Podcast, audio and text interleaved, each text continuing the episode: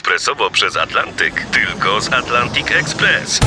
Z nami wyślesz co chcesz, kiedy chcesz, do kogo chcesz i to o 40% taniej.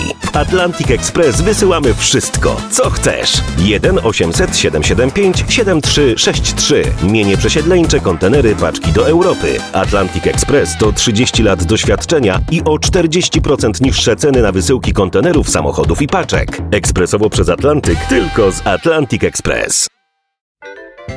Ceniony i wielokrotnie nagradzany za swoje publikacje. Dziennikarz i reportażysta. Od trzech dekad pisze o upadku sowieckiego imperium. W swojej najnowszej książce zmierzył się z tematem szamańskim. Gościem Artura Andrusa w RMF Classic jest Jacek Hugo Bader. A propos szamańskiej choroby, książki przy okazji której się spotkaliśmy teraz, czy położył pan ręce na tym niedźwiedziu, żeby książka się udała? Bo... Tak, oczywiście, że tak. Jak on mi powiedział, to natychmiast to zrobiłem. I byłem taki pokorny wobec, ja mam generalnie pokorę wobec moich tematów i ludzi, których ja opisuję i tego, co opisuję. Jak oni mówią, że połóż ręce, no to ja kładę te ręce na, na łbie tego wypchanego niedźwiedzia. Bo niby dlaczego nie? Skoro do niego przyjechałem, to znaczy, że traktuję go poważnie.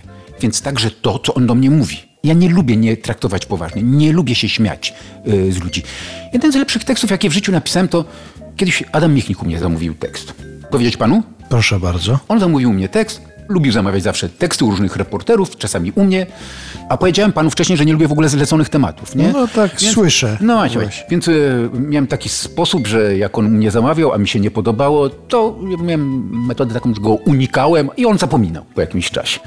Z tym, że on ma łeb jak sklep, on ma cybernetyczną głowę, ten facet. Jak jemu na czymś bardzo zależy, to nie ma takiej siły, żeby on zapomniał. I on marzył, żebym ja napisał mu tekst o polskich komunistach.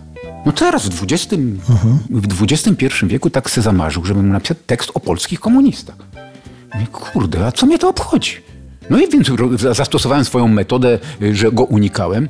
Y, Zawsze jak przychodziłem na stołówkę u nas w robocie, to patrzyłem, czy jego gdzieś tam nie ma, bo mnie zobaczy znowu i mi wsiądzie na głowę. Więc go unikałem, ale po prostu się nie dało. Nie dało się. Tak pamiętał, tak pamiętałem, dobra, to ci to zrobię. I mu napisałem tekst, poszedłem sobie do, była taka organizacja, to się nazywa Komunistyczna Partia Polski Proletariat, oni się tak nazywali. Takie leśne dziadki, siwi panowie. I więc ja napisałem o nich tekst, tak, obśmiałem ich, no, że, że, po prostu, no, jak, jak, jak można być komunistą w Polsce w XXI wieku, czy na przełomie wieków. Obśmiałem ich.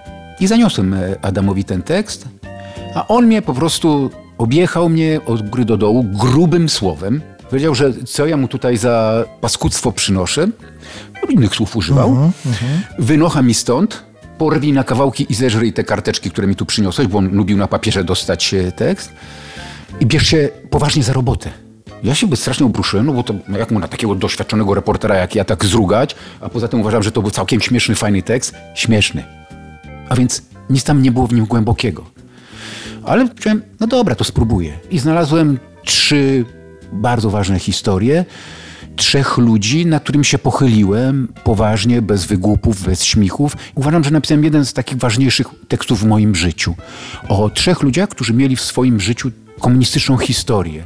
Odnalazłem jedynego żyjącego w Polsce jakby polskiego trockistę, który za Trocki w 1939 roku został aresztowany jako młody chłopak przez KGB czy NKWD jeszcze wtedy i przesiedział 10 lat za ten trockizm i za komunizm, który jakby komunistą był do tej pory.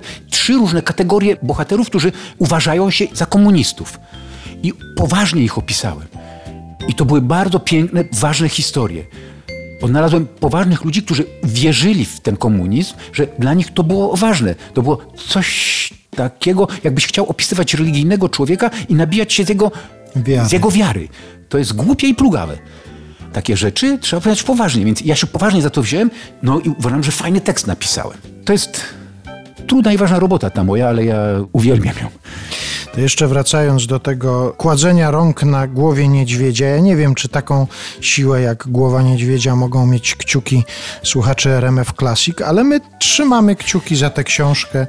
Jeszcze raz przypomnijmy tytuł i przypomnijmy, gdzie ją można zdobyć, bo nie można jej na razie w księgarniach zdobyć, to przypomnijmy. Szamańska choroba, autor Jacek Hugo Bader, a można książkę kupić na stronie www.szamanskachoroba.pl. Razem pisane to wszystko. Wszystko.